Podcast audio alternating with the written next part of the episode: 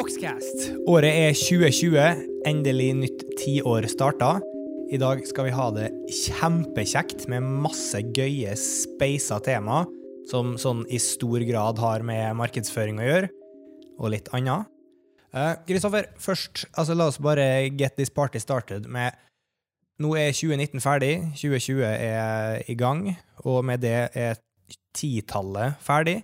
Året der Facebook ble en ting for alvor.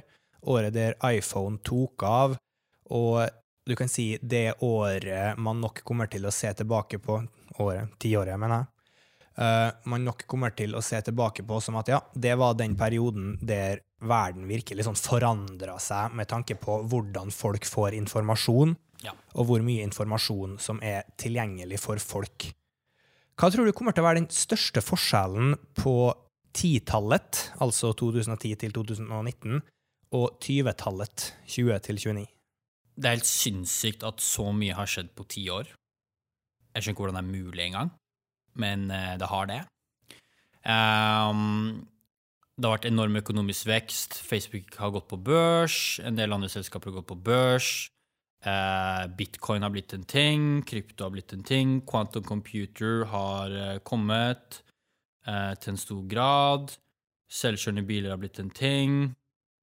Eh, hele bildet i form av psykologien på et verdensbilde har endret seg. Eh, så da rett og slett var det en total omvending. Altså hele skitten har flippet. Um, så det som er interessant i form av markedsføring, er jo at nummer én Markedsfører har fått mer tilgang til data, som har ført til eh, mye interessant, mye progresjon, mye mer tilpassede innhold, men også som har ført til at folk sliter noe jævlig. Blitt, blitt en del spetakkel. Det har blitt veldig Altså, tingen er når ting går så raskt som det har gått, så er hele verden dømt til totalt spetakkel. Vært litt brexit, vært litt Trump. Det er helt vanvittig hvor mye som har skjedd på ti år. Uh, og hvis det neste tiåret blir uh, Altså, det er visse ting som ikke kommer til å kunne gjøre lik med progresjon, progresjon eksponentielt, blant annet kapasiteten på chips. Ja vel? Um, Endelig har det stoppa? Altså, Nvidia Hvis du ser på Nvidia som et selskap, som en av de Nvidia og ARM er par av de største chipprodusentene i verden. Hvis du ser på aksjen til de, de selskapene, så er det aksjer som har gått så vanvittig eksponentielt opp eh, like eksponentielt opp som Altså like eksponentielt opp korrelert med eh, hvor bedre chipene har blitt, basically. Eh, men det er der quantum kommer inn, da.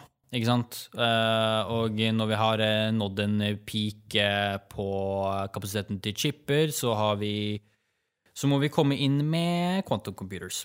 Hva er en quantum computer? Jeg er ikke en quantum computer-ekspert, så det skal jeg ikke uttale meg om.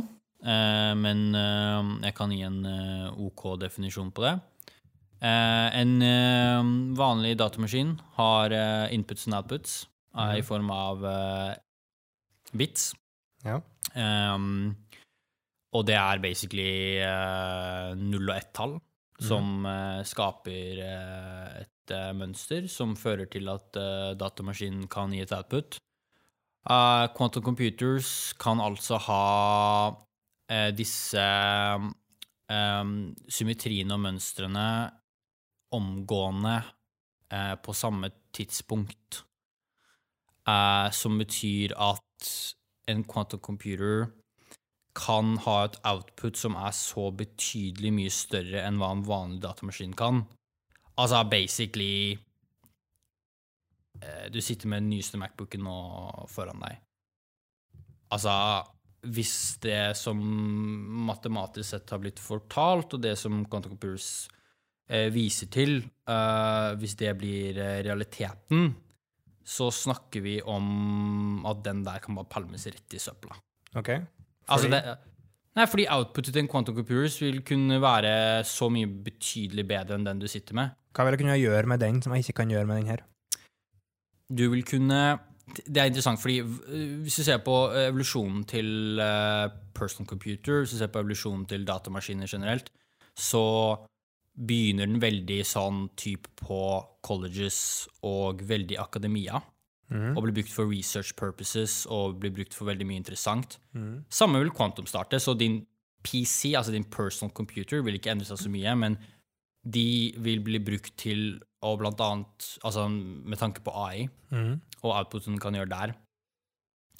Som som Altså, Google har vært Jeg tror Google var de første til å komme til noe som heter uh, quantum supremacy, Ok? som er basically det med at uh, det jeg fortalte i stad, er realiteten. Um, og um, uh, Google eier også et selskap som heter DeepMind, som er et AI-selskap.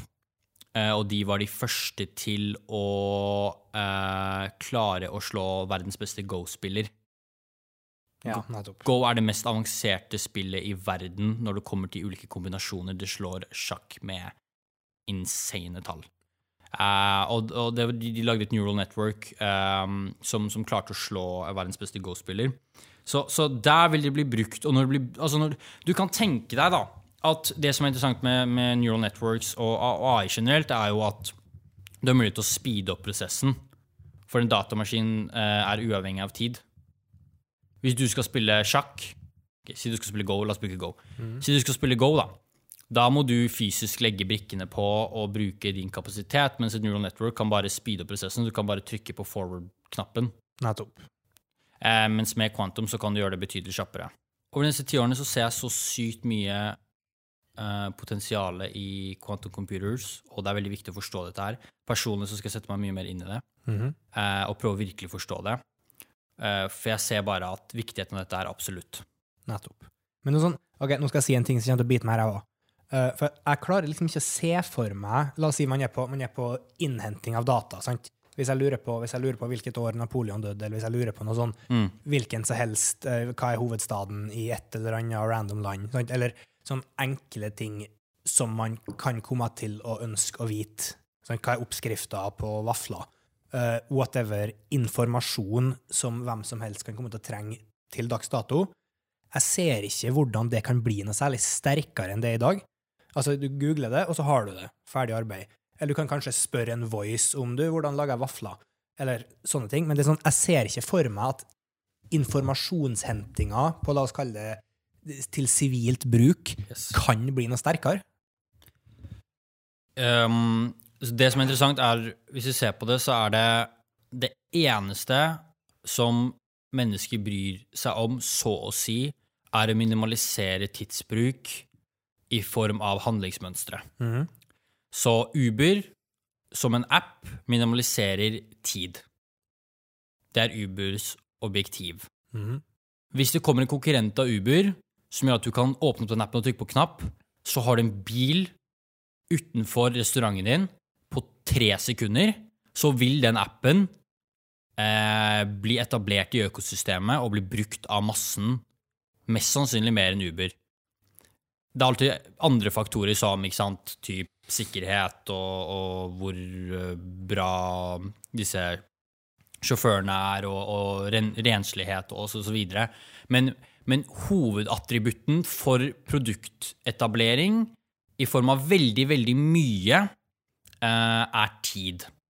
Med tanke på datasamling er at eh, vi vil gå imot den mest sømløse datainnsamlingen for generelt bruk som overhodet mulig over tid.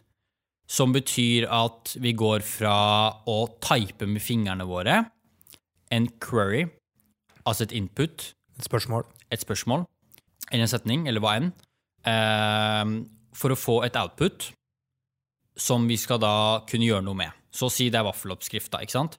Vi går fra å type en query, eh, få et output som er oppskriften. Og så skal vi nå gå til å si dette, for det går fortere enn å type det.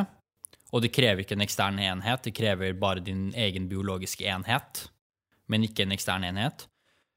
Eh, og det går betydelig mye mer kjapt og fortere, og krever mindre bit fra din egen hjerne, krever mindre energi,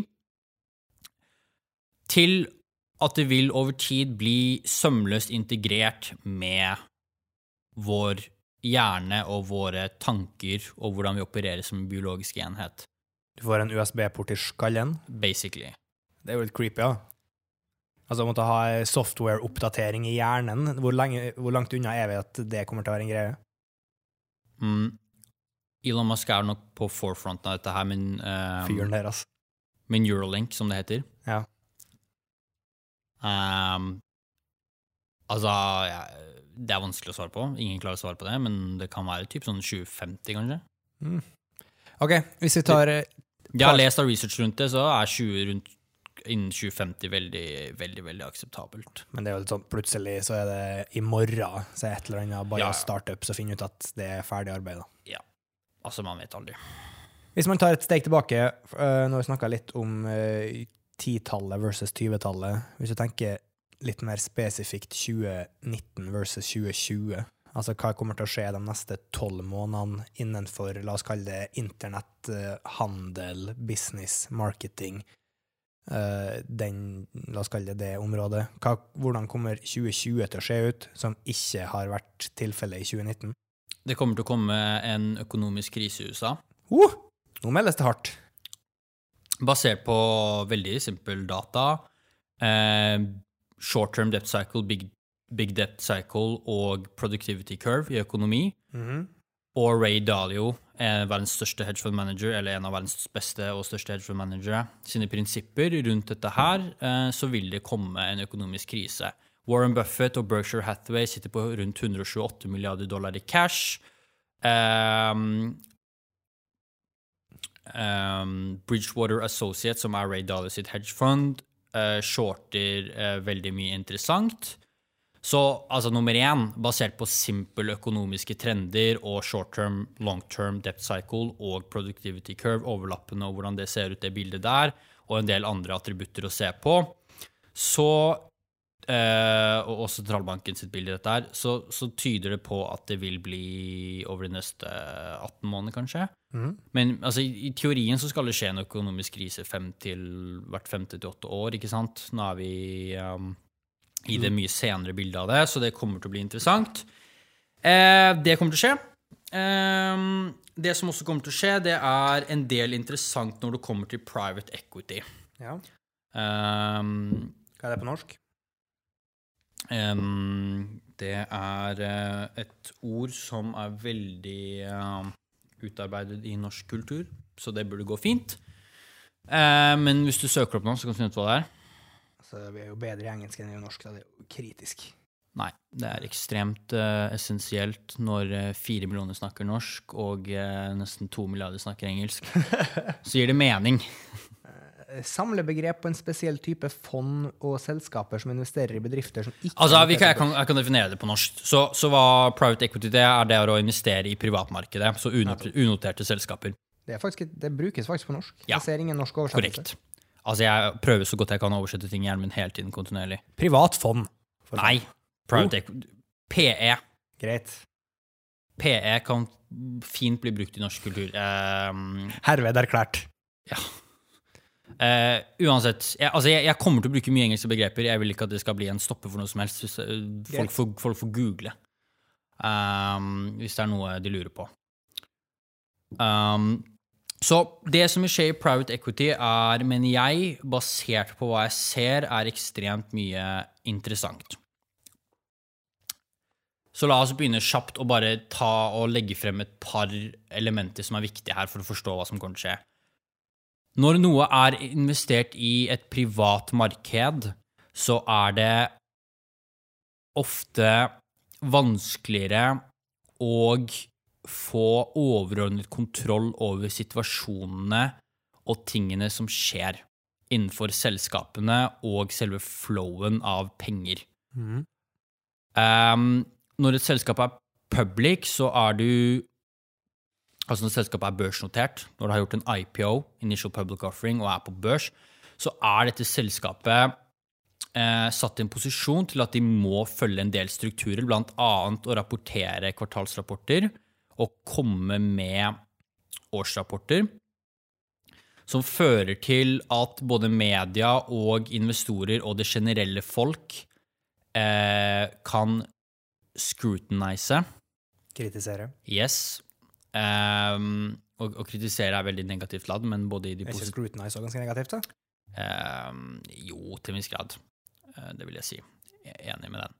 Men, uh, men Ikke direkte oversatt, men uansett, det gjør at, eh, det gjør at folk ser på deg med veldig sånn de, de har muligheten til å øh, til å komme med både positive og negative sider ved det, som fører til eksponentielle spikes, og som fører til et helt annet øh, system. Tingen over de siste ti årene er at det har vært så mye penger i private equity. Det er en helt annen ting.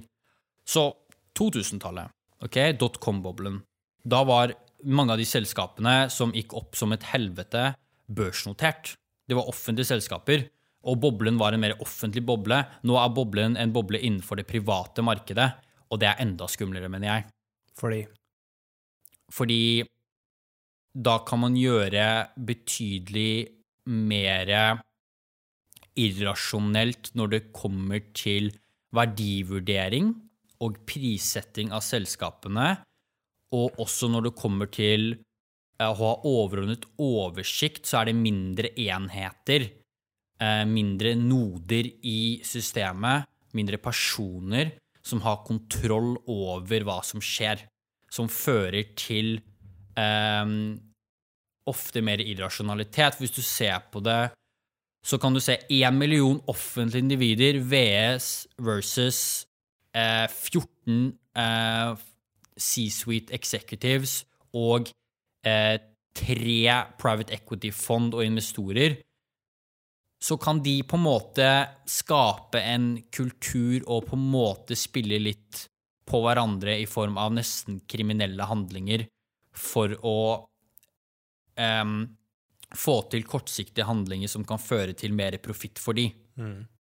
Mens hvis du har et helt marked, så reguleres det på en, halv, en helt annen måte. Så la oss ta et par eksempler. Så Grunnen til at jeg snakker om private equity nå, er fordi det kommer til å skje mye endringer her. Altså Det er snakk om um, at i de siste ti årene så har La meg bruke et av de beste eksemplene jeg mener for uh, private equity-markedet. Så det er så mye penger i private equity at det er en fyr som heter Masa Son, som har klart å raise 100 milliarder dollar til et fond som han kaller Vision Fund. Ok? Og han har blant annet over 40 milliarder dollar eh, fra Saudi-Arabia. En del fra USA. Han har annet raiset penger fra McDonald's og en rekke andre selskaper. Han har investert altså så vanvittig mye penger inn i private equity eh, over de siste årene. Og et veldig godt eksempel på det er en nylig hendelse med WeWork. Ehm, jeg må alltid ta bakgrunnshistorie, så bare sørg for at jeg gjør det. Ja. Masya Son var en av de første investorene i Alibaba. Ja. Uh, han tok rundt 25 millioner dollar om til 60 milliarder dollar i Alibaba. Han uh, eier Sprint, som er det samme som Telenor eller Telia i Norge. Eller litt samme som Chess, kanskje. Det er litt mindre, det er ikke like så høy, høy som AT&T og Verizon. Um, han um, eier en rekke selskaper uh, og driver veldig mye uh, i Japan, der hvor selskapet er børsnotert.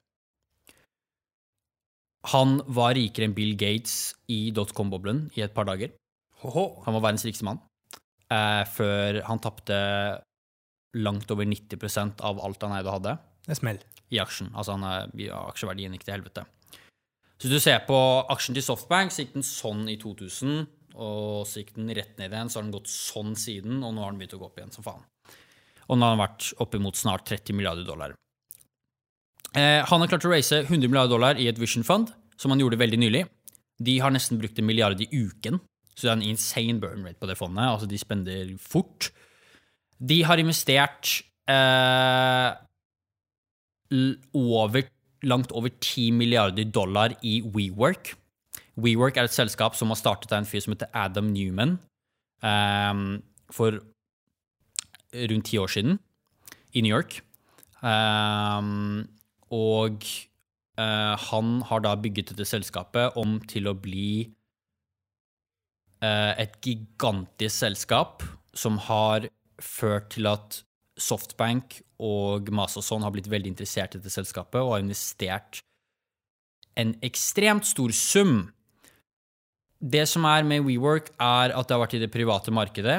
Det skulle egentlig børs prøve, de skulle prøve å gjøre en børsnotering. De filet en hva som kalles en S1 til SEC, Securities and Exchange Commission, altså finanstilsynet i USA, veldig eh, nylig i, eh, i 2019. Og da var da det offentlige markedet fikk call på hva som egentlig skjedde til selskapet. Så dette er et perfekt eksempel på hva jeg mener at proud equity kommer til å endre seg. Om selve systemet kommer til å endre seg, og om det kommer til å bli noe mer regulering i form av ting, det er veldig mulig også. Det tror jeg veldig på, for det er, helt, det er så irrasjonelt, hele systemet. Eh, men det jeg også tror på mer, eh, og som kommer til å skje veldig naturlig, er det skeptiske bildet når det kommer til investorer. De kommer til å bli mer skeptiske rundt investeringene og hvordan ting foregår i de private markedene. For det er veldig mye humbug. ok? Så masse sånn. Det en um, Det en um, Det et private equity-selskap gjør, eller det som en um, investor gjør i de private markedene, er å prise et selskap. De nødvendigvis verdivurderer ikke selskapet. For det gjøres ofte eh, av Morgan Stanley eller Goldman Sachs eller andre selskaper i hva som kalles underwriting før en IPO. Um, ehm, det de gjør, er å prise selskapet, som er veldig vanskelig å skille på, egentlig, men det, er, det høres på, veldig utenom, så, høres, altså, så, er det helt likt. Du priser et selskap til en viss pris, uh, som på en måte er verdivurdering av selskapet. Det som uh, Mas og Son har gjort med WeWork, er å basically skyve den verdivurderingen eller prissettingen av selskapet så høyt at den blir ekstremt irrasjonell. Nettopp. Selskapet var verdt 47 milliarder dollar når de taper milliardervis av dollar i året. Eh, og har ekstremt få lokasjoner som tjener penger. Og har da altså en ratio når det kommer til eh, alle finansielle formene du kan undersøke når det kommer til selve verdivurderingen av selskapet, som er off the chart. Altså, det er ekstremt irrasjonelt. Hvis du sammenligner med konkurrenter, så er det som at det er kommet fra en, en annen planet. Det gir null mening. Og det har ført til at Adam Newman måtte gå av. Han fikk en gigantisk um, fallskjerm. fallskjerm, for å si det sånn. Deilig. 1,7 milliarder dollar. Skader ikke.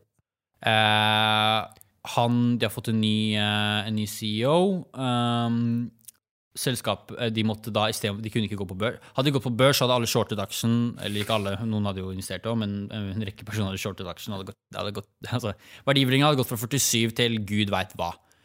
Jeg tipper det har vært betydelig eh, verre enn både Uber eh, og Slack har gjort etter IPO. Men det gikk så sykt eh, dårlig eh, at eh, de måtte ha en ny CEO, og verdivurderingen har blitt sleiset til helvete, eller prissetting av selskapet. Masason måtte inn med 6 milliarder nye dollar for å redde selskapet, og de må gjøre en helt ny turn nå og endre på hele strukturen og hva de driver med, og bygge seg opp basically fra bunnen av. Og det er ett av utallige selskaper eh, fordi ekstremt mange av disse selskapene i det private markedet opererer eh, på samme måte.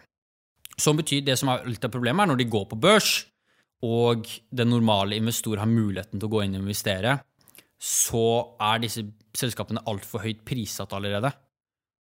Så man taper ganske mye penger hvis man investerer i dem, fordi alle mm, aksjene går eh, nedover i starten fordi de er altfor høyt prissatt. Ja, nettopp.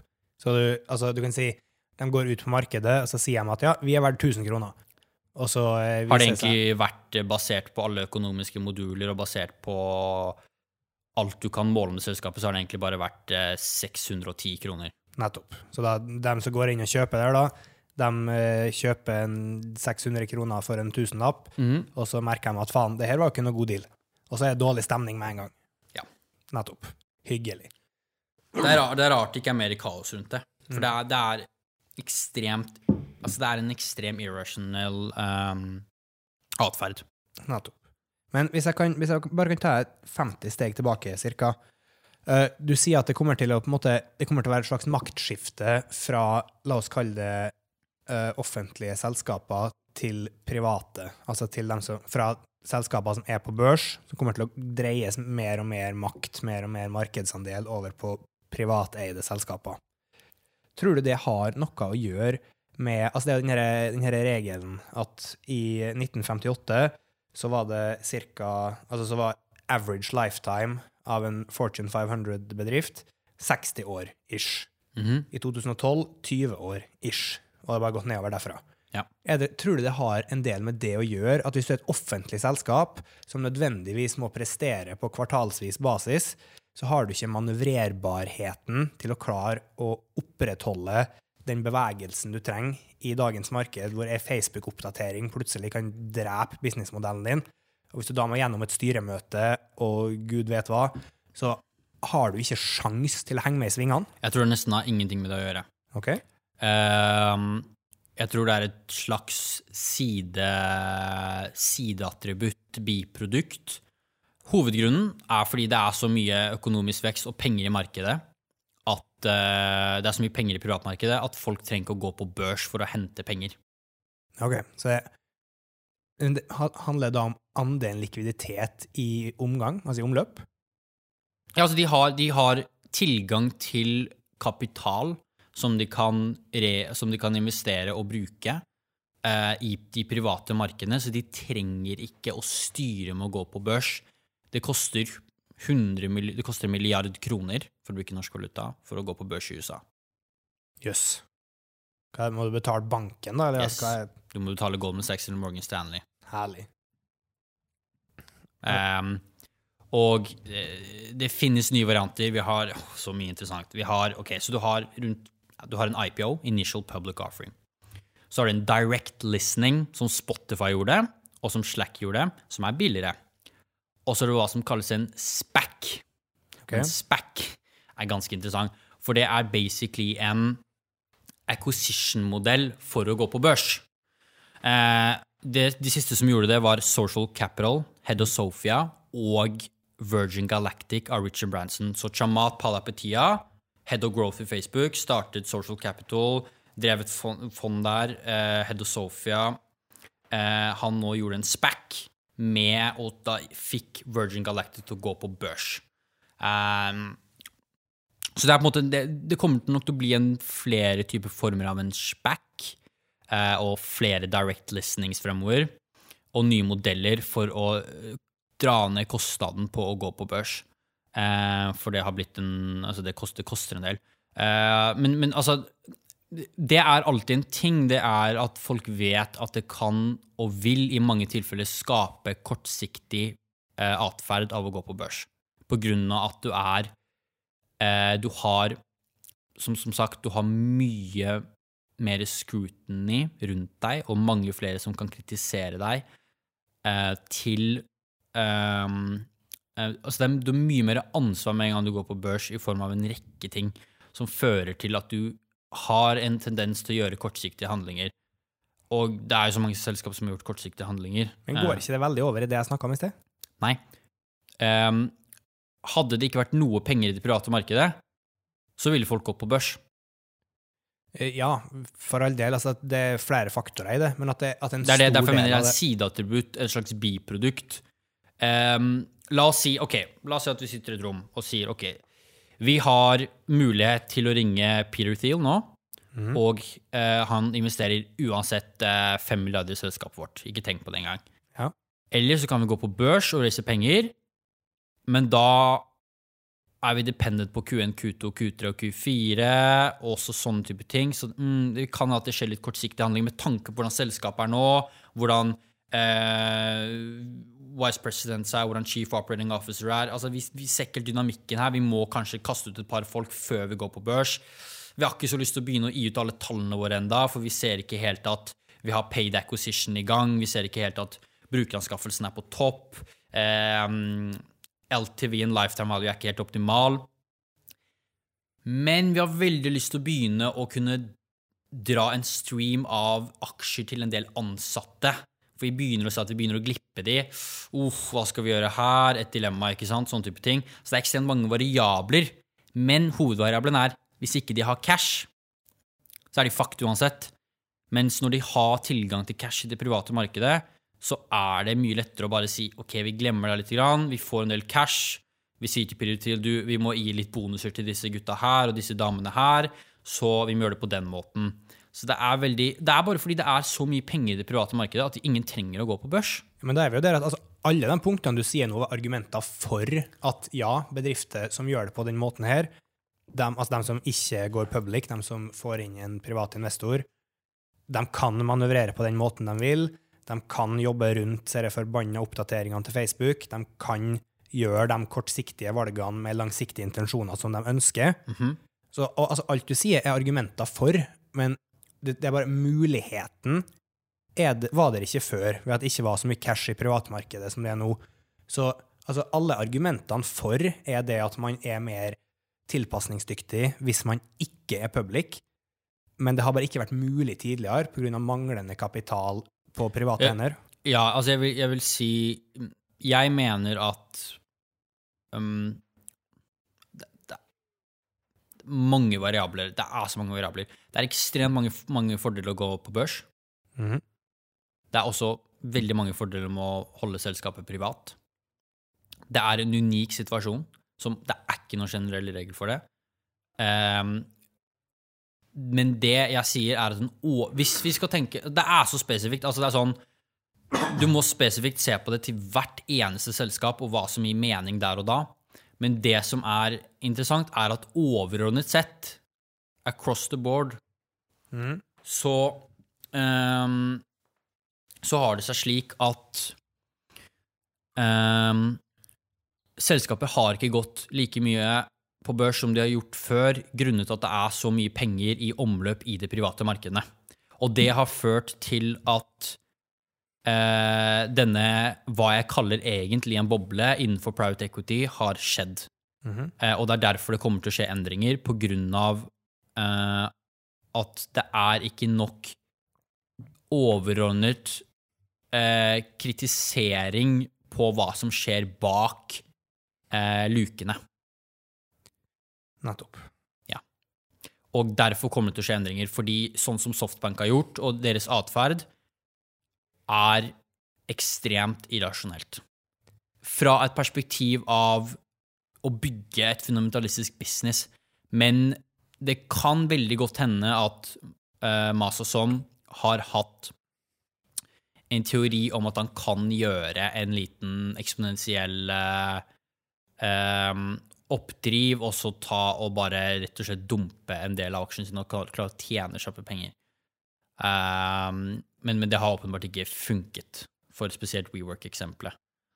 Uh, men han har gjort utallige gode deals og, gjort vanvittig mye bra, blant annet acquisition av blant annet ARM, og han har investert i, han har investert i veldig mange bra selskaper og, gjort mye fenomenalt. Men, men atferden generelt i det private markedet og private equity er irrasjonell.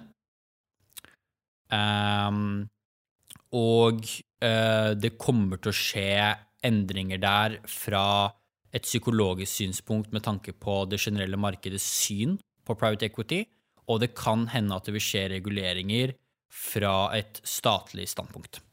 Ja. Og det er noe som går til å skje over de neste ti årene. Noe annet som er spennende med i hvert fall titallet, uh, nå er vi tilbake på sammenligningen tiår, mm. at jeg tror at når man ser tilbake på titallet, så kommer vi til å si at ja, det var da plattforma ble en ting. Altså du kan si før den tid Plattformrevolusjonen. Yes, plattformrevolusjon.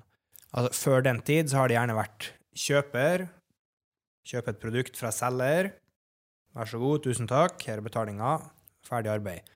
Mens i løpet av det forrige tiåret så har det vokst fram altså Tinder, Uber, Airbnb og 50 000-100 000 millioner andre tilsvarende eksempler, hvor bedrifter, heller enn å lage et produkt, selge det, vær så god, så samler de grupper. Du kan si Det var jo naturlig Facebook som starta med, at de bare samla alle. Og så ble det litt eh, Marketplace, og det ble grupper, og så videre, så blir det spissa mer. Ja. I, la oss si, bare for å ta et enkelt eksempel, kan holde oss på Airbnb. Du har noens eier ei leilighet, så er det noen som har lyst til å låne ei leilighet. Sett dem i kontakt med hverandre, betaler for det. Eh, Airbnb i seg sjøl eier få til ingen leiligheter, Korrekt. men er Uber eier ingen biler, bla, bla. bla. også- Facebook lager ikke noe content. Alibaba lager ikke noe produkt, Yes. eh, og så videre og så videre. Lista der er lang. Ja, Ekstremt lang. Kommer det, altså er det ferdig utvikla nå, eller kommer det til å fortsette å eksplodere ut med sånne type leiebilkonsepter osv. i løpet av neste tiåret? Det kommer til å eksplodere. OK? Og så Jeg har tenkt ekstremt mye på dette her. Så You ain't seen nothing yet? det som er tingen med det, og problemet, er at vi kan ikke bruke for mange plattformer. Ok. En gjennomsnittlig person bruker typ 11 apper i måneden ish på telefonen sin. Og 90% av dem er Instagram og Snapchat. Det er de, ja. Det er de største, ikke sant? Um, og det som skjer nå, er at alle prøver å lage en plattform for hver eneste lille duppeditt som finnes på denne planet. Ja. Om det er salg av blomster, eller hva enn det er for noe. Det er alt mulig som finnes. Um, det vil Altså, i en ideell verden så vil du kunne få tilgang til mye av dette via så få tastetrykk og via, så altså via minst mulig tidsbruk. Så det vil en Altså, det vil komme vanvittig flere plattformer, og vanvittig mange flere plattformer. Eh, men problemet vil være over tid at det vil ikke kunne finnes et særlig samlingspunkt for disse her. Et annet eksempel på dette er så nå, nå kan vi snakke om delingsøkonomiplattformer som Airbnb og Uber og sånne type Ja. ting, og deres businessmodeller. Um, og så kan vi snakke om Netflix, Spotify, HBO, Amazon Prime og alle disse her, hvor hver av de har en subscription-modell som businessmodell, hvor det koster rundt 100 lapp i måneden for å bruke disse tjenestene.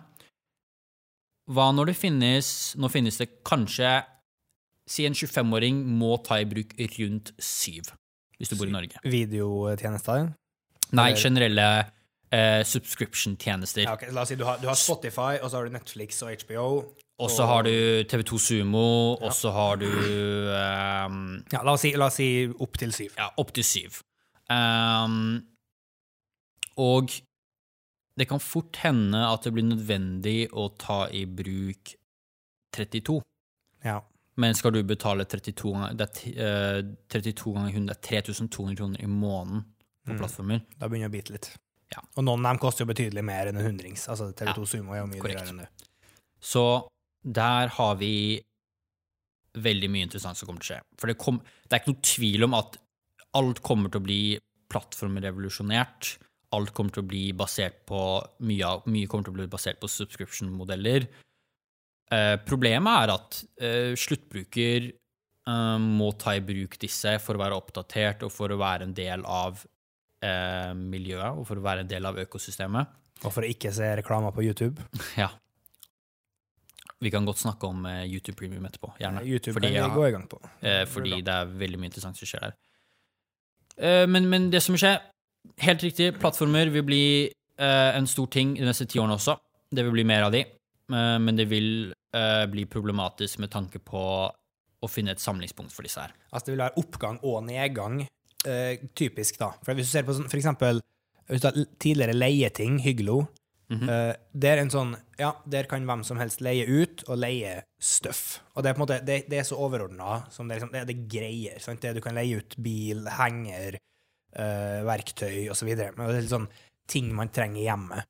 Og det, liksom, det, det føler jeg, da har du truffet cirka greit. For da har du en såpass viable businessmodell at du kommer til å kunne ha produkter inn hele tida, og kunden forstår greia. Du Ja. går ikke inn dit hvis du skal ha et hotellrom, men du går inn dit hvis du skal ha, eh, ha verktøy eller hageopplegg eller eh, noe som helst som er sånn til bruk i hjemmet. Mens du kan si, hvis man går for spissa til verks, da, la oss si at du kun har eh, en, eh, en modell som er Jo, vi leier ut denne spesifikke typen gressklipper, og det er kun det vi leier ut. Da har du ikke en viable businessmodell, fordi det er for smått. Det finnes ikke nok av dem i omløp, og det er ikke nok etterspørsel etter det. Mens hvis du går for bredt, altså ja, vi leier ut alt. Ja, hva da? Alt. Jo, både bil og båt Det- det er det som er tingen, fordi det- det det-. Det er et par uh, kjemper, Alibaba, ikke vi har um, Tencent som driver med en del interessante ting, som er holdningsselskapet til en rekke produkter. Um, vi har Facebook, vi har Google, som åpenbart er, Google er jo et enda mer dynamisk selskap enn Facebook, til og med. De har så mange, altså Alphabet, som er Google, uh, har jo en rekke selskaper under seg, ikke sant? Um, um, og, og tingen er at det å gå nisje er smart fra et business-standpunkt, sånn som du sier. Ikke sant? Fordi du har muligheten til å virkelig skape en solid bedrift. Problemet er at det kan ikke eksistere 600 000 plattformer for alle nisjer. Altså det, er, det kommer til å være komplisert for sluttbruker, så det må finnes et samlingspunkt. Så det jeg tror, og det jeg ser for meg over tid, det er hva som kalles Ok, så i i um, det, generelle bildet, det generelle bildet når det kommer til uh, internett, data og hele den evolusjonen, uh, er hva som kalles open sourced. Så open sourced er um, åpen kildekode, eller finnes flere former, men ja, at det er et åpent, ehm, dynamisk system, og at ting kan integreres via f.eks. API-er, og at det er mulighet eh, for å faktisk eh, kunne bygge på ting, og at en rekke mennesker kan kunne bygge på én plattform. Så si et selskap har 600 ansatte, istedenfor at 600 bygger på det, så har da de et åpent open source-system som gjør at 2,8 millioner utviklere kan jobbe på plattformen samtidig. Et godt eksempel på dette er Wordpress Ja. som rundt 25% av alle nettsider på, i verden runner på. Altså, bare et steg tilbake da. Det betyr altså at hvis jeg har et produkt hvor jeg skal leie ut forbanna gressklipperne mine, så kan jeg da, uh, i stedet for at jeg har min gjeng med ansatte som sitter ja, jeg har ikke kommet til punktet mitt ennå, faktisk. Okay, okay. Jeg har faktisk ikke kommet til punktet mitt ennå. For, for det, det er helt korrekt. Altså, alle kan kjøre en open source-modell, men det jeg prøver å si nå, og det jeg kommer til nå, det er litt interessant. Jeg mener og tror virkelig på at en god modell for dette problemet med at det vil finnes 600 000 plattformer, er at det blir bli etablert et universelt konsept når det kommer til open sourced kode for alle disse plattformene som finnes, som gjør at man kan lage én overordnet plattform som kobler seg på alle forskjellige applikasjonene, eh, som gjør at det er muligheter for å kunne søke på en ganske sånn fundamentalistisk god måte. Ja. Så jeg går inn på finn.no, og eh, de har det ikke på Finn, men jeg får det opp i søk lell, fordi at de har det Fordi- på si- Amazon. Korrekt. For si for sosiale medier, ok? En måte å fikse Vi kan snakke mye om Facebook og Instagram og veldig mye av det etterpå, um, og hvordan disse plattformene fungerer, og, og positive og negative sider med disse. Men jeg mener at det burde bli etablert en måte at du har mulighet til å trykke på én knapp, og da kan du integrere alt du noen gang har gjort på Facebook med en ny plattform. Nettopp. Så, litt det som er med Tinder, ikke? Det er plug and play. Du bare logger inn with Facebook. Det er en helt du- annen ting. Okay. For det er eh, Facebook, sin, Facebook sitt API og SDK. Ja, men det, ja, det, det har Så- en annen bakgrunn, men det er samme funksjon. Det er en samme funksjon um, til en viss grad. Hvis Forskjellen er at Facebook ikke eier det lenger. Så, så det de gjør, er at ok, så det er en simpel login. Google har det, Twitter har det, Snap har begynt med noe greier på det, Facebook er dominant på det. Hvorfor det funker på fra et sluttbrukerstandpunkt, er igjen minimalisering av tid. Ja. Eh, da pushes bilder, og for eksempel på, på Tinder spesielt, så pushes du, push, kan du Du pusher ikke bilder på Tinder, men du kan pushe Jo, tror du pusher automatisk. Kjønn, alder og Kjønn, alder, eh, tittel, occupation, lokasjon. Eh, ja. Og Og disse, disse typer vanlige attributtene pushes. Det jeg mener er, det burde være så altså Problemet er at de er så dominant og har så mye monopol. For å skape mer konkurranse så burde det finnes et så åpent system som gjør at jeg kan lage abc.com, et sosialt nettverk, for eh, alle. Eller så kan jeg gjøre nisje på det òg, men si et sosialt nettverk for alle sammen. Bare at det ikke er ads. Du må paye 10 dollar i måneden. Eh, vi rører ikke dataen din, vi bruker ikke dataen din. Eh, men du har da mulighet Fordi ingen, ingen kommer til å gå over til det fordi økosystemet ligger i Facebook. Men hvis det er såpass åpent, som gjør at du har muligheten til å trykke på én knapp, så har du alt av Facebook på den plattformen. Alle meldingene dine. Så du kan bare basically gå rett over. Det er som å bruke Facebook, bare at det er et, eh, et, et ikon av noe helt annet. Så du, du tar hele livet du har med deg i teknologien, og drar det over til den nye plattformen via ett tastetrykk. Det er noe som kan hende at kommer til å skje. Uh, jeg tror ikke det, men jeg mener det ville vært en ideell måte å løse en del problemer på når det kommer til hvor monopol, monopolt Facebook har det. Det blir, Um, du lager på en måte den funksjonen Facebook har i dagens marked, med at man sant, du er plug and play på hvilken som helst plattform. Hvis du skal lage en bruker på hvor som helst for å leie ut uh, verktøyet ditt, så kan du i mange tilfeller bare trykke logg inn med Facebook. Yes, alle dataene dine og hva du heter, og hvor gammel du er, hvor du bor hen, osv. rett inn. Så du tenker da at en modell hvor nøyaktig det hadde kommet til å skjedd, men Facebook hadde ikke eid dataen din, du hadde eid din egen data, det er der vi kommer til å være om ti år. Jeg tror ikke det kommer til å skje. Men jeg mener den mest ideelle måten å løse et problem på, som er Facebook har en market cap på Alt. nesten 600 milliarder dollar. Um, de eier Instagram, de eier WhatsApp. Hvis du tok alle disse selskapene og løste de, og alle var unike selskaper notert på børs, så ville den overordnet verdien av disse selskapene vært betydelig høyere. Ja, nettopp. De blir kamuflert av et overordnet holdningsselskap. Hvis du verdivurderer alle selskapene unikt og setter det sammen, så vil verdi market capen ikke være 600, men kanskje 870. Um, Større enn BNP-en til mange land. ja. Så tingen er Det er mange Altså, øh, mange folk som snakker om å altså, løse opp selskapene. Scott Galloway, marketing og branding og businessprofessor på eh, NYU. Elizabeth Warren, presidentkandidat i USA. Ja. Begge disse og flere snakker om å få uh, disse selskapene til å være ikke holdningsselskap på den måten de opererer på, men mer unike selskaper. Uh, og på en måte løs, løs, løslatte disse selskapene og få dem til å ha sin unikhet. Um, det jeg mener er ideelt, er den måten jeg forklarer på nå, og kan løse problemet enda mer, for det skaper konkurranse. Fordi her er tingen, Hvordan vi kan se på konkurranse, er hvor mye energi det tar for en bruker å etablere seg selv inn i et nytt system. Er du klar over at å gå fra Facebook til abc.com, et nytt sosialt nettverk, Fiktivt. er kanskje verdens største eh, friksjon i kundereisen? Det må være så mange psykologiske, sosiokulturelle grunner til at det skal skje, som ikke finnes enda, men som blir plenta over oss for at det i det hele tatt skal skje. Altså, det skjer når du sier ah, 'jeg drar på Facebook', og personen ser på deg stygt fordi du ikke er på abc.com. Da skjer skiftet. Og lykke til.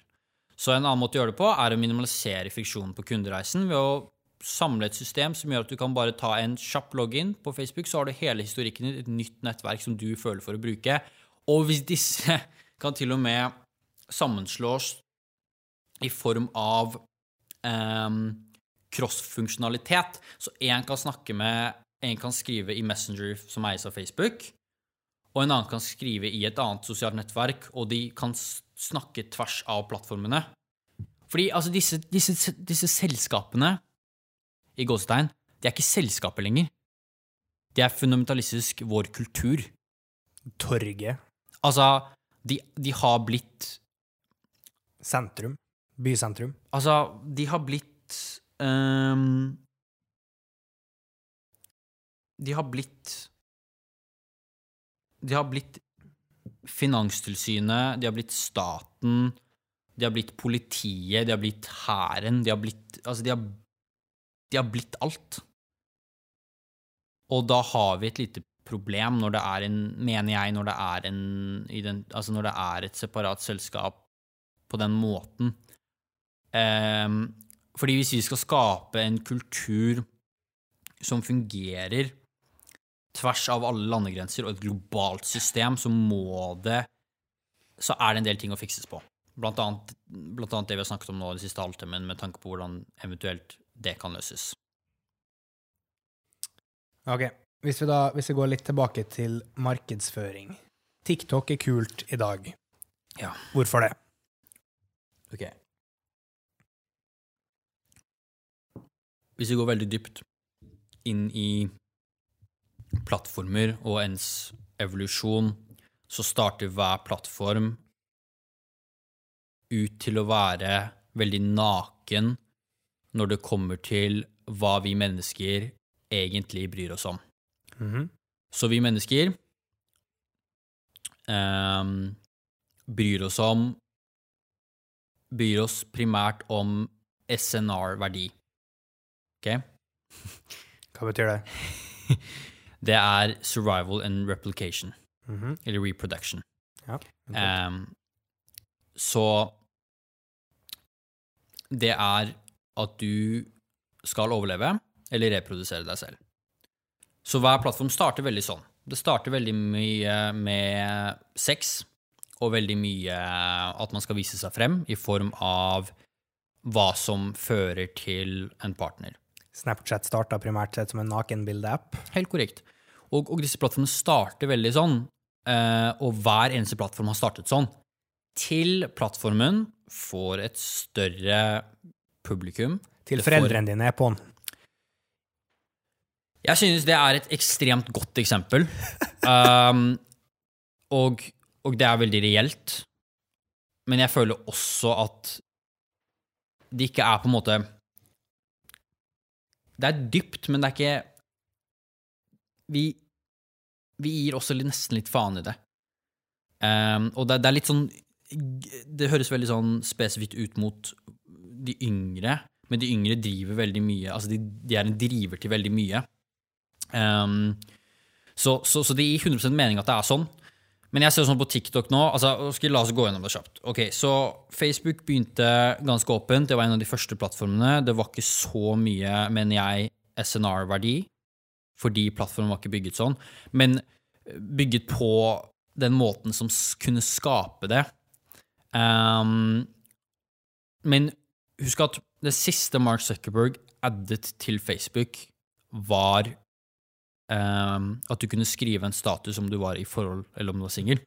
For det er det folk bryr seg om. Um, SNR-verdi. Um, Er du opptatt, eller er du tilgjengelig? Korrekt.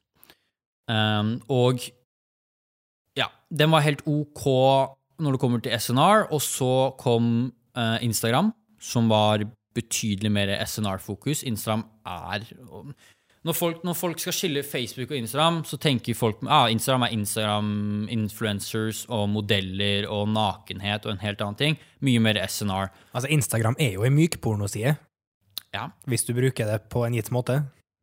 Ja, altså Algoritmen vil, vil fremvise Hvis du er på et par damer, så vil den fremvise flere damer. Facebook er ikke på, i nærheten av det Nei. samme. Og den har aldri vært der eh, den har aldri vært der hvor Instagram er, den har aldri vært der hvor Snapchat er. Men TikTok nå Ja. Det er, det er SNR, mener jeg, på et nytt nivå. Nytt, altså dypere. Enda mer Enda mer enn Instagram. Det som, fascinerer meg så gærent med disse internettkontoene, det at altså, på en måte øh, Ved påstander om at internettplattformene, la oss si uh, Snapchat eller Instagram, eller la oss gå helt til pornosida Altså at sånne internettplattformer gjør mennesker til dårligere individer, den kjøper jeg ikke i det hele tatt. de viser fram hvor dårlige vi var i utgangspunktet. det Altså, er korrekt, det eksponerer oss. Men som vi sikkert skal prøve snakke litt om etterpå um, Det plattformene gjør, de eksponerer vår biologiske natur. Som er seksualitet, som er reproduksjon, som er autoritet, um, og som er her, her, hierarkifremvisning i forhold til hvor du er i hierarkiet, og en lett forfalskning av denne, uh, av denne hierarkieoppbygningen. Uh, og grunnet plattformens uh, levemåte og oppsetning, så er det veldig lett å forfalske hvor du er i hierarkiet. mm. Og grunnen til at du forfalsker det, er fordi du har lyst på en reproduksjonspartner. Punktum. Fra et veldig biologisk standpunkt. Altså, for Basert på det du sier der nå, så er det litt sånn hvordan man får seg til å se ut på disse plattformene her. Det er, altså, La bryte ned litt, si at du har syv dager i uke. Seks av dem har du en dårlig dag, og så på fredag så ser du helt fantastisk ut, eksempel, eller du har det veldig bra, eller du gjør noe kjempegøy. Så er det litt sånn, ja, Da viser du bare frem hver fredag. Du legger ut 52 poster i året, og that's it. Så resterende, altså samtlige andre 300 whatever dager i året, så har du en dårlig dag, men det eneste folk ser av deg, det er de 52 gode Ko fredagene. korrekt. ja. Altså, det er en totalt forfalskning av, um, av uh, alle menneskers um, egentlig ren levemåte og hvordan vi har det, og hvilken posisjon vi er i et hierarki. Og um, det som er interessant Jeg hadde en veldig god tanke her nå, som jeg har tenkt på utallige ganger før. Um, den plattformen som du sa i stad, uh, og som vi begge er enige med, den eksponerer vår biologiske natur. Men disse plattformene er bygget på en måte Som dundrer ut dopamin i alle tenkelige retninger. helt korrekt. Og det er det som er litt av det problematiske her. Fordi folk kan si jo, vi bruker fem timer på sosiale medier om dagen, men Trond i 1972 brukte også fem-seks timer på TV-en. Her er forskjellen. TV-en er hjemme.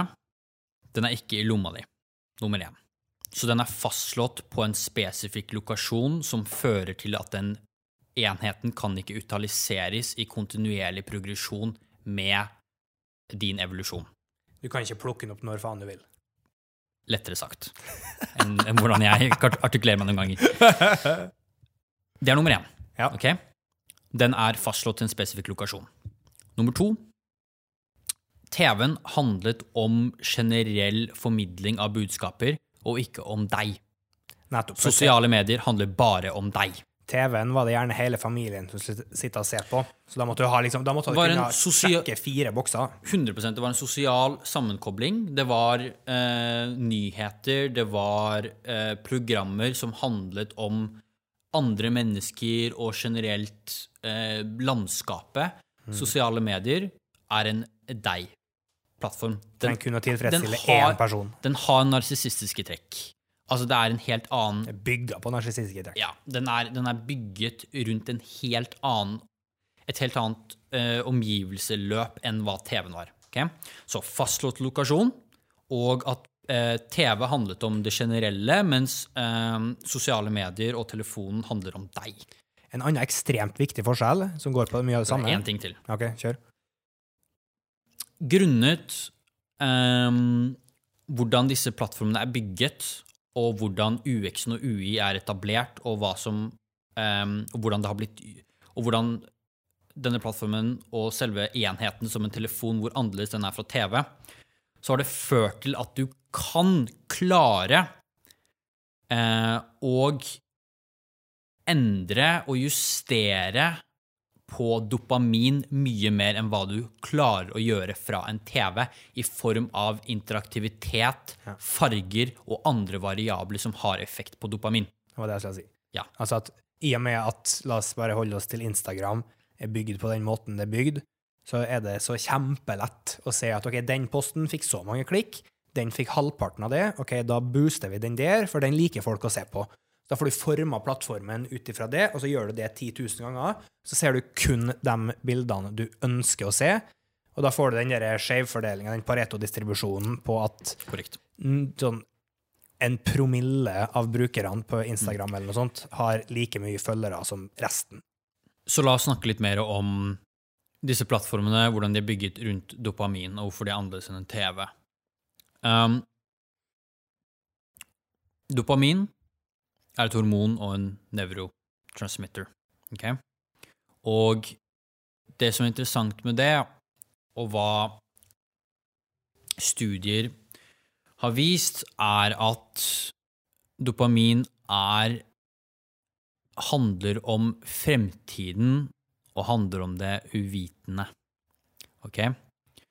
Så i evolusjon og i biologi så var dopamin skapt for at du skal klare å spise basert på det langsiktige bildet. Fordi hvis du ser en, et dødt dyr foran deg nå, egentlig ikke er så sulten, så grunnet dopamin så tenker du fortsatt at det er ikke sikkert jeg har mat om 16 timer. Så jeg burde bare gønne på nå å spise hele dyret. Derav overspising. Ja, og det kan vi snakke om etterpå også, for det er veldig interessant. Hvordan det funker i forhold til dopamin. Um, men la oss først snakke om plattformer. Ok, så dopamin, nevrotransmitter, ok, Uh, den gjør at uh, det er hva jeg kaller opp, se opp-molekylet. Um, fordi hvis du ser ned, ikke sant, på deg selv, uh, så er det veldig sånn nåtid som skjer. Så serotonin, ikke sant, um, oxytocin, disse kjemikaliene som er veldig sånn akkurat nå, og hva du føler nå. Mens dopamin er ute i stjernene. Det er visjon, det er fremtiden. Og det er det som får oss som en sivilisasjon til å gå fremover. Og det som er tingen, det er at plattformene som Instagram eh, La oss bruke Instagram som eksempel, er bygget rundt dopamin i sterk grad.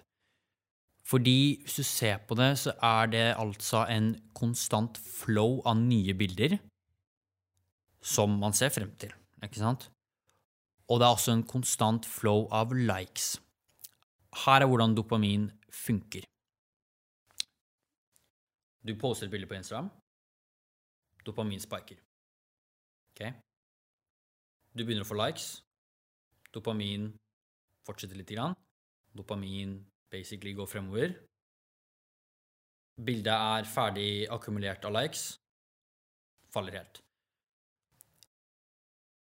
Før så var dopamin uten så mye viktighet, for de skjønte ikke helt hva det var for noe. Men når de begynte å skjønne hva dopamin var, så ble det, det et av de mest studerte um, temaene når det kommer til nevrotikk, psykologi etc., etc., etc.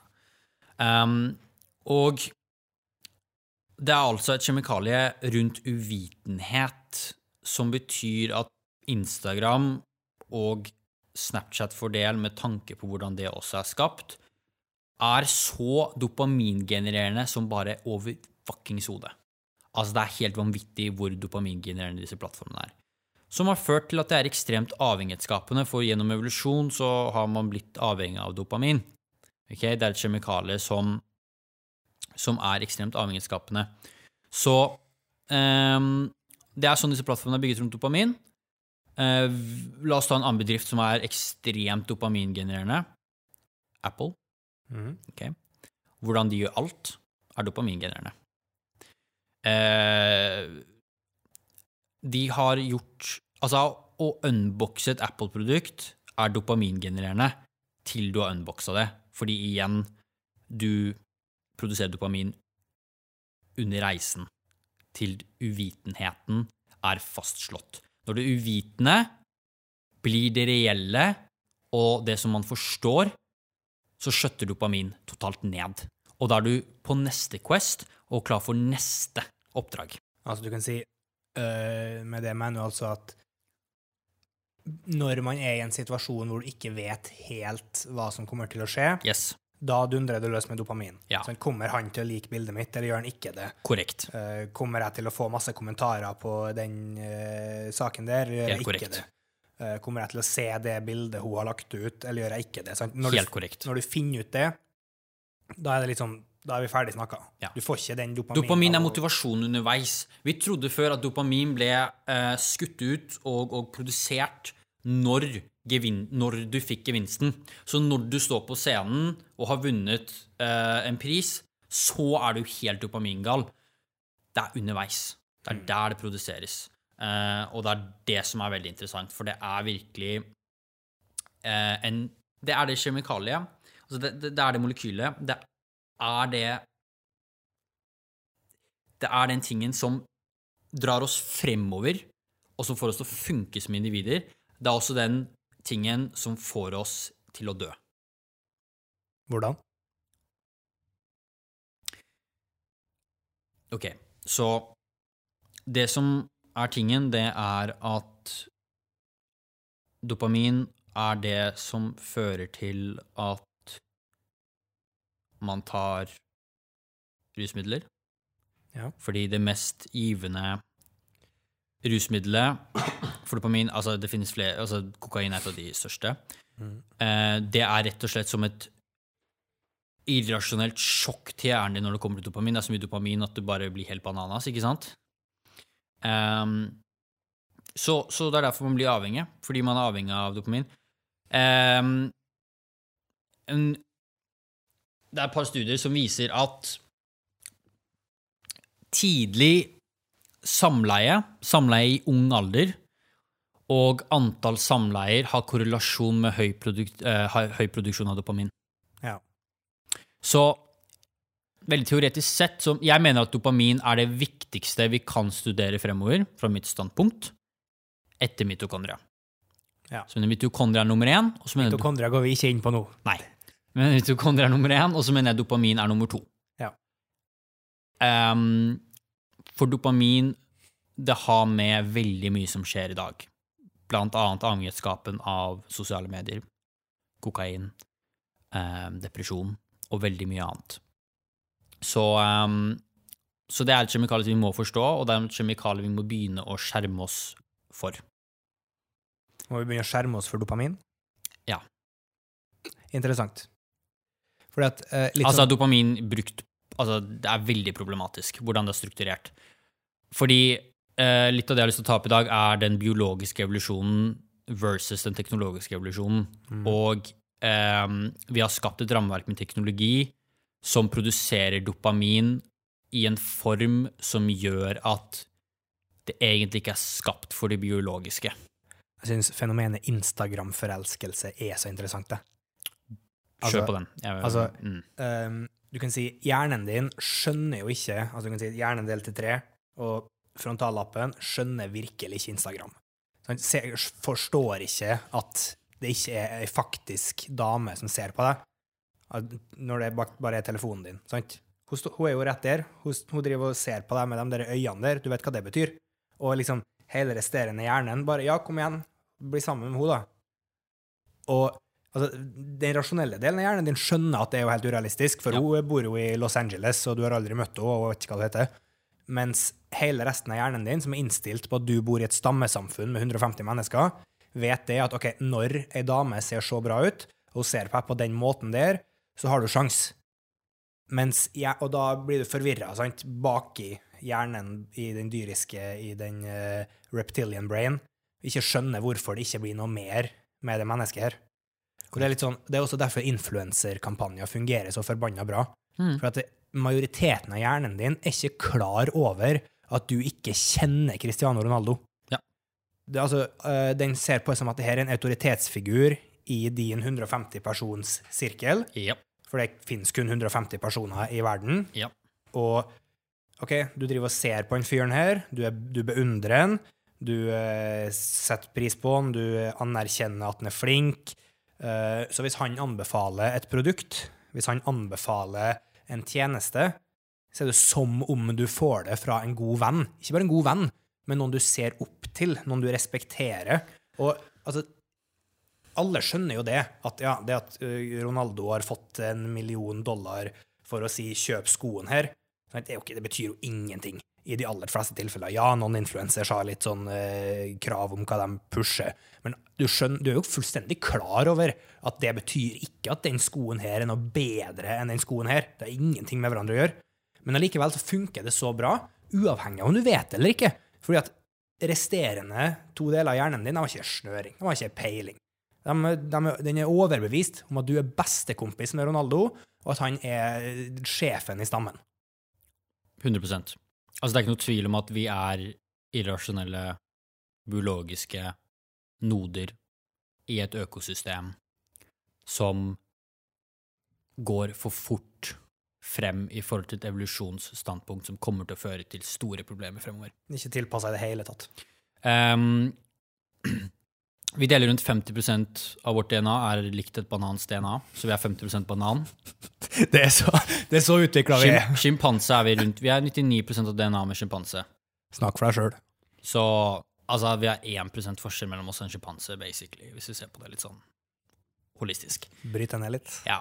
Um, og det jeg vil snakke litt om egentlig nå, vi kan gå tilbake til dopamin, vi kan snakke mye om det rundt i form av mange ting, men jeg har litt lyst til å gå inn på um, viljestyrke, egentlig. Å, oh, nå skal vi snakke om marshmallow-testen. Marshmallow-testen er insane. Ah, For den har også mye med dopamin å gjøre, men også, den har så sykt mye viljestyrke. Før marshmallow-testen så kan jeg jeg må, nevne, jeg må nevne to tester, bare for å sjokke folk litt. Ja, bring okay. it. Dette er sykt. Ok, så fordi jeg leser mye research papers, jeg leser mye på PubMed, som er den medisinske litteratursiden, um, hvor mye av, uh, eller så å si alle research papers blir uh, lansert og, og, og publisert. Og um, en studie på uh, Cornell viser et ganske interessant konsept, og det er fordi det, det, faktisk, det, det, vises er at folk som genererer mye dopamin, er ofte liberale. Og det handler om at eh, den liberale politikken er eh, veldig korrelert med hva den biolog biologiske naturen er i form av dopamin. Ehm, som er det at du har mulighet til å se fremover, det langsiktige bildet, fastslå ting i fremtiden, veldig visjonært. Ehm, og den studien på Cornell, den, eh, den er veldig interessant, fordi i USA så viser det seg at de liberale har høyere IQ enn de konservative. Uh, og det de gjorde i den studien, det var at de tok en del personer inn. De delte i et par grupper, hvor den ene gruppen uh, de skulle gi fra seg på en måte sin, sin, uh, sin politiske, sitt politiske ståsted. Og det vises at um, um, i, det ene, I det ene rommet så ble det satt antibac. Okay?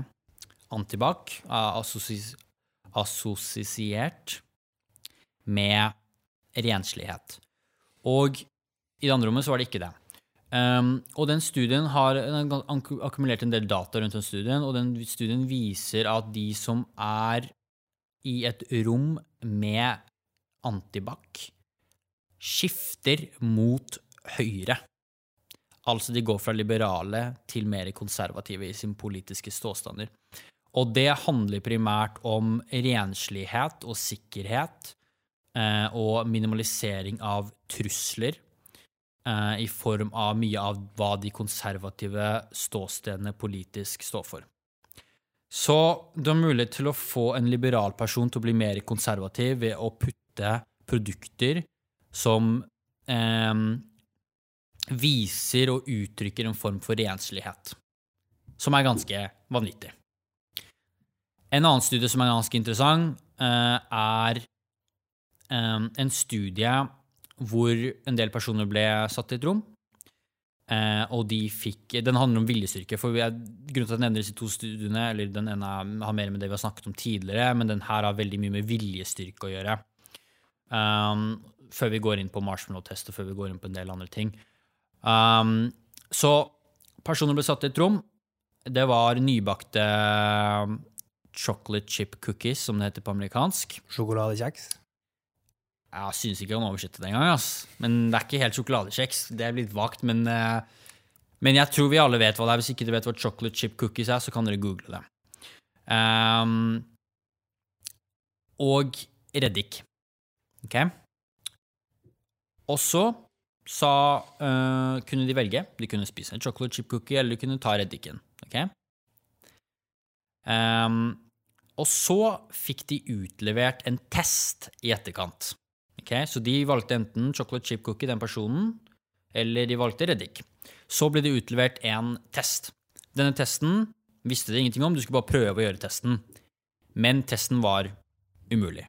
Altså, det var umulig, det var ikke noe svar. ok? Eh, men det var fortsatt rasjonell nok, så, vi, så de ville prøve å løse problemet. Det som er så insane når det kommer til viljestyrke, er det viser seg at de som valgte reddik, ga opp betydelig fortere enn de som valgte chocolate chip cooking. Og grunnen til det er fordi de som allerede har brukt, har brukt opp mye av viljestyrken sin når de velger reddik istedenfor chocolate chip cookie. Så de som tok chocolate chip cookie, de holdt på betydelig lengre og, lengre og prøvde så godt de kunne på å løse problemet. De som valgte reddik, de slutta betydelig tidligere. Så det som er interessant med viljestyrke, er at det er mer en muskel enn noe annet. Så det er mer noe som kan trenes til en viss grad, men det er noe som har mer med unikhet og person til person å gjøre. Samme som mye annet, ikke sant? Det har mer med DNA å gjøre.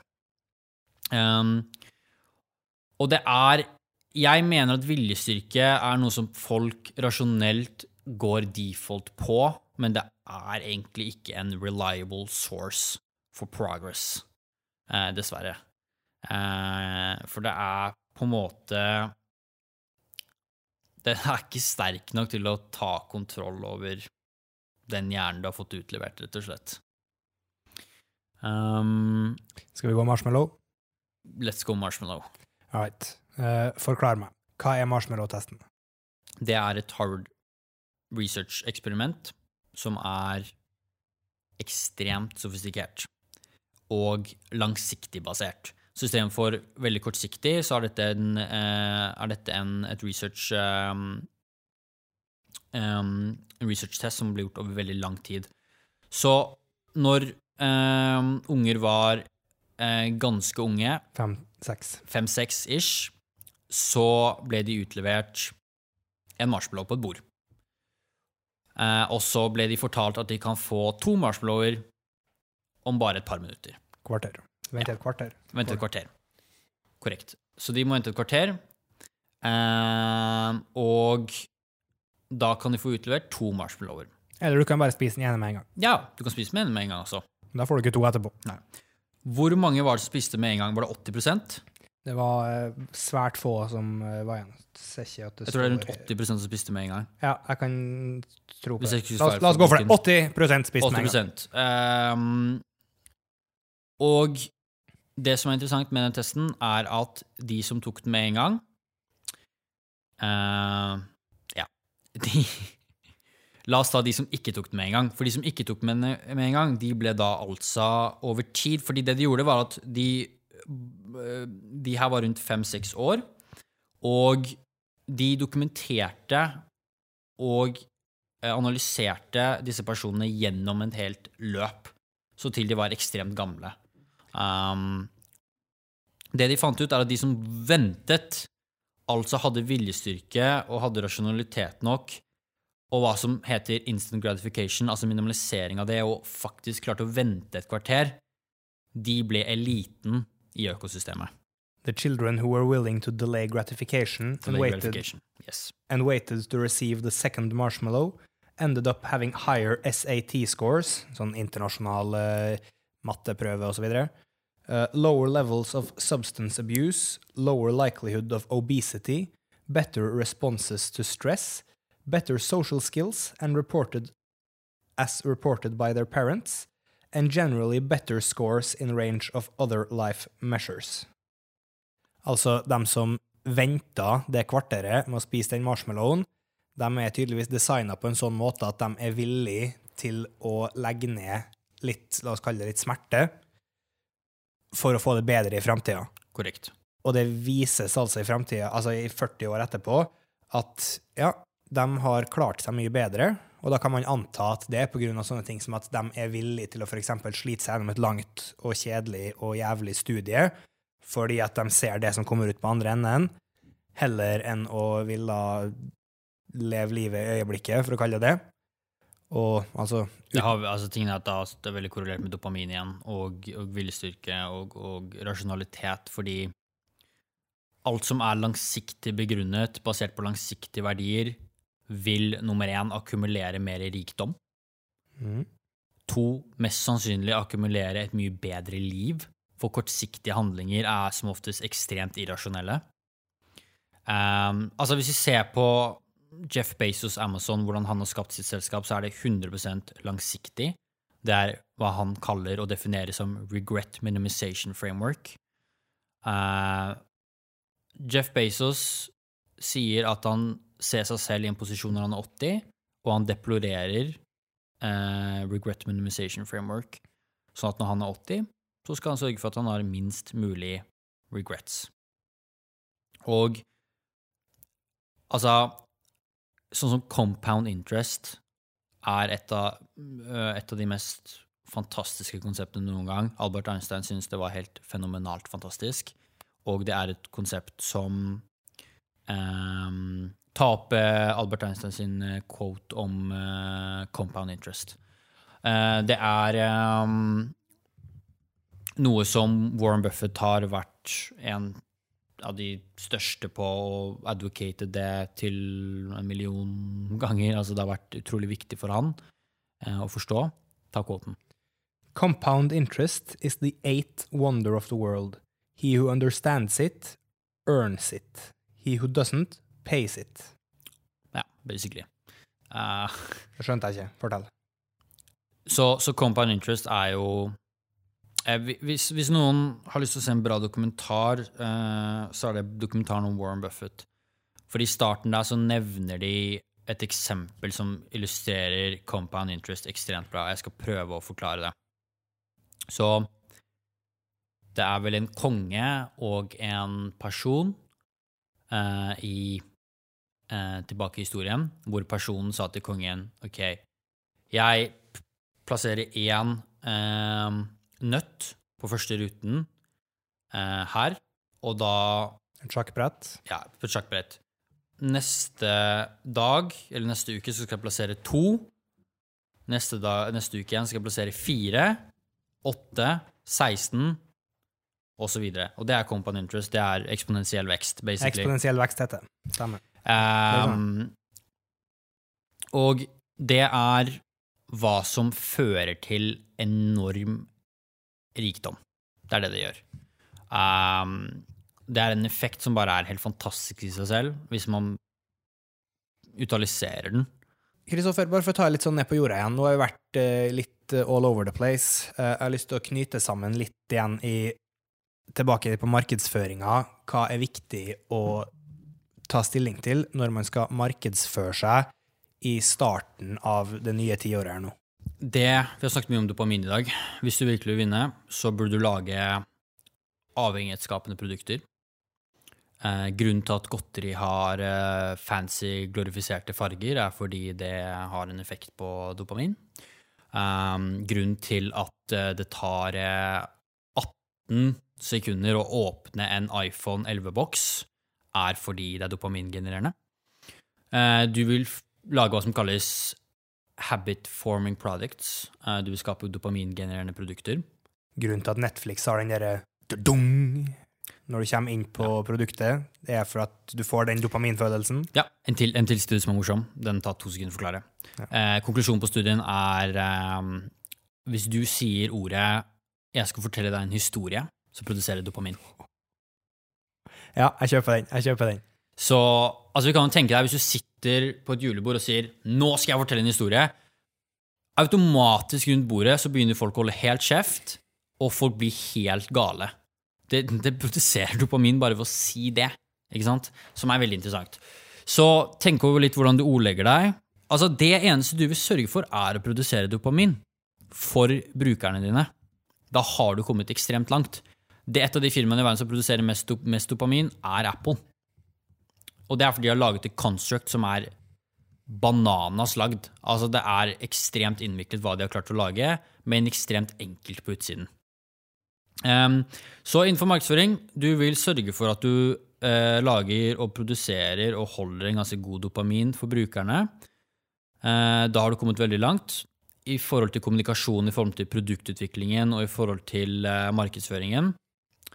Det som vil være et av de største problemene dette tiåret her, er brukers um, Valgfrihet? Ja, det er faktisk uh, et veldig godt poeng. Brukers valgfrihet. Fordi valgfrihet har en tendens til å øke prokrastinering. Um, og de vil ha mange valg, og de vil ha muligheten til data. Sluttbrukere vil ha mulighet til mye mer data til å gjøre research om produkter før de faktisk gjør et kjøp. Um, så det er veldig viktig å være ekstremt på ball der med tanke på å ha klart å få ut nok informasjon i de riktige mediumene og de riktige formatene på de riktige kanalene til enhver tid. Uh, det vil være mye mer produs... Det, vil, det burde bli, og, og, forhåpentligvis markedet følger på, så vil det bli produsert mye mer innhold. Uh, rettet mot spesifikke målgrupper og rettet mot spesifikke nisjer og problemstillinger. Markedet generelt begynner å ha et problem med tillit til merkevarer. Så det vil være en kamp om tillitsbygging og om tilliten til sluttbruker. Og hvordan man får denne tilliten, er ved å gjøre en rekke ting.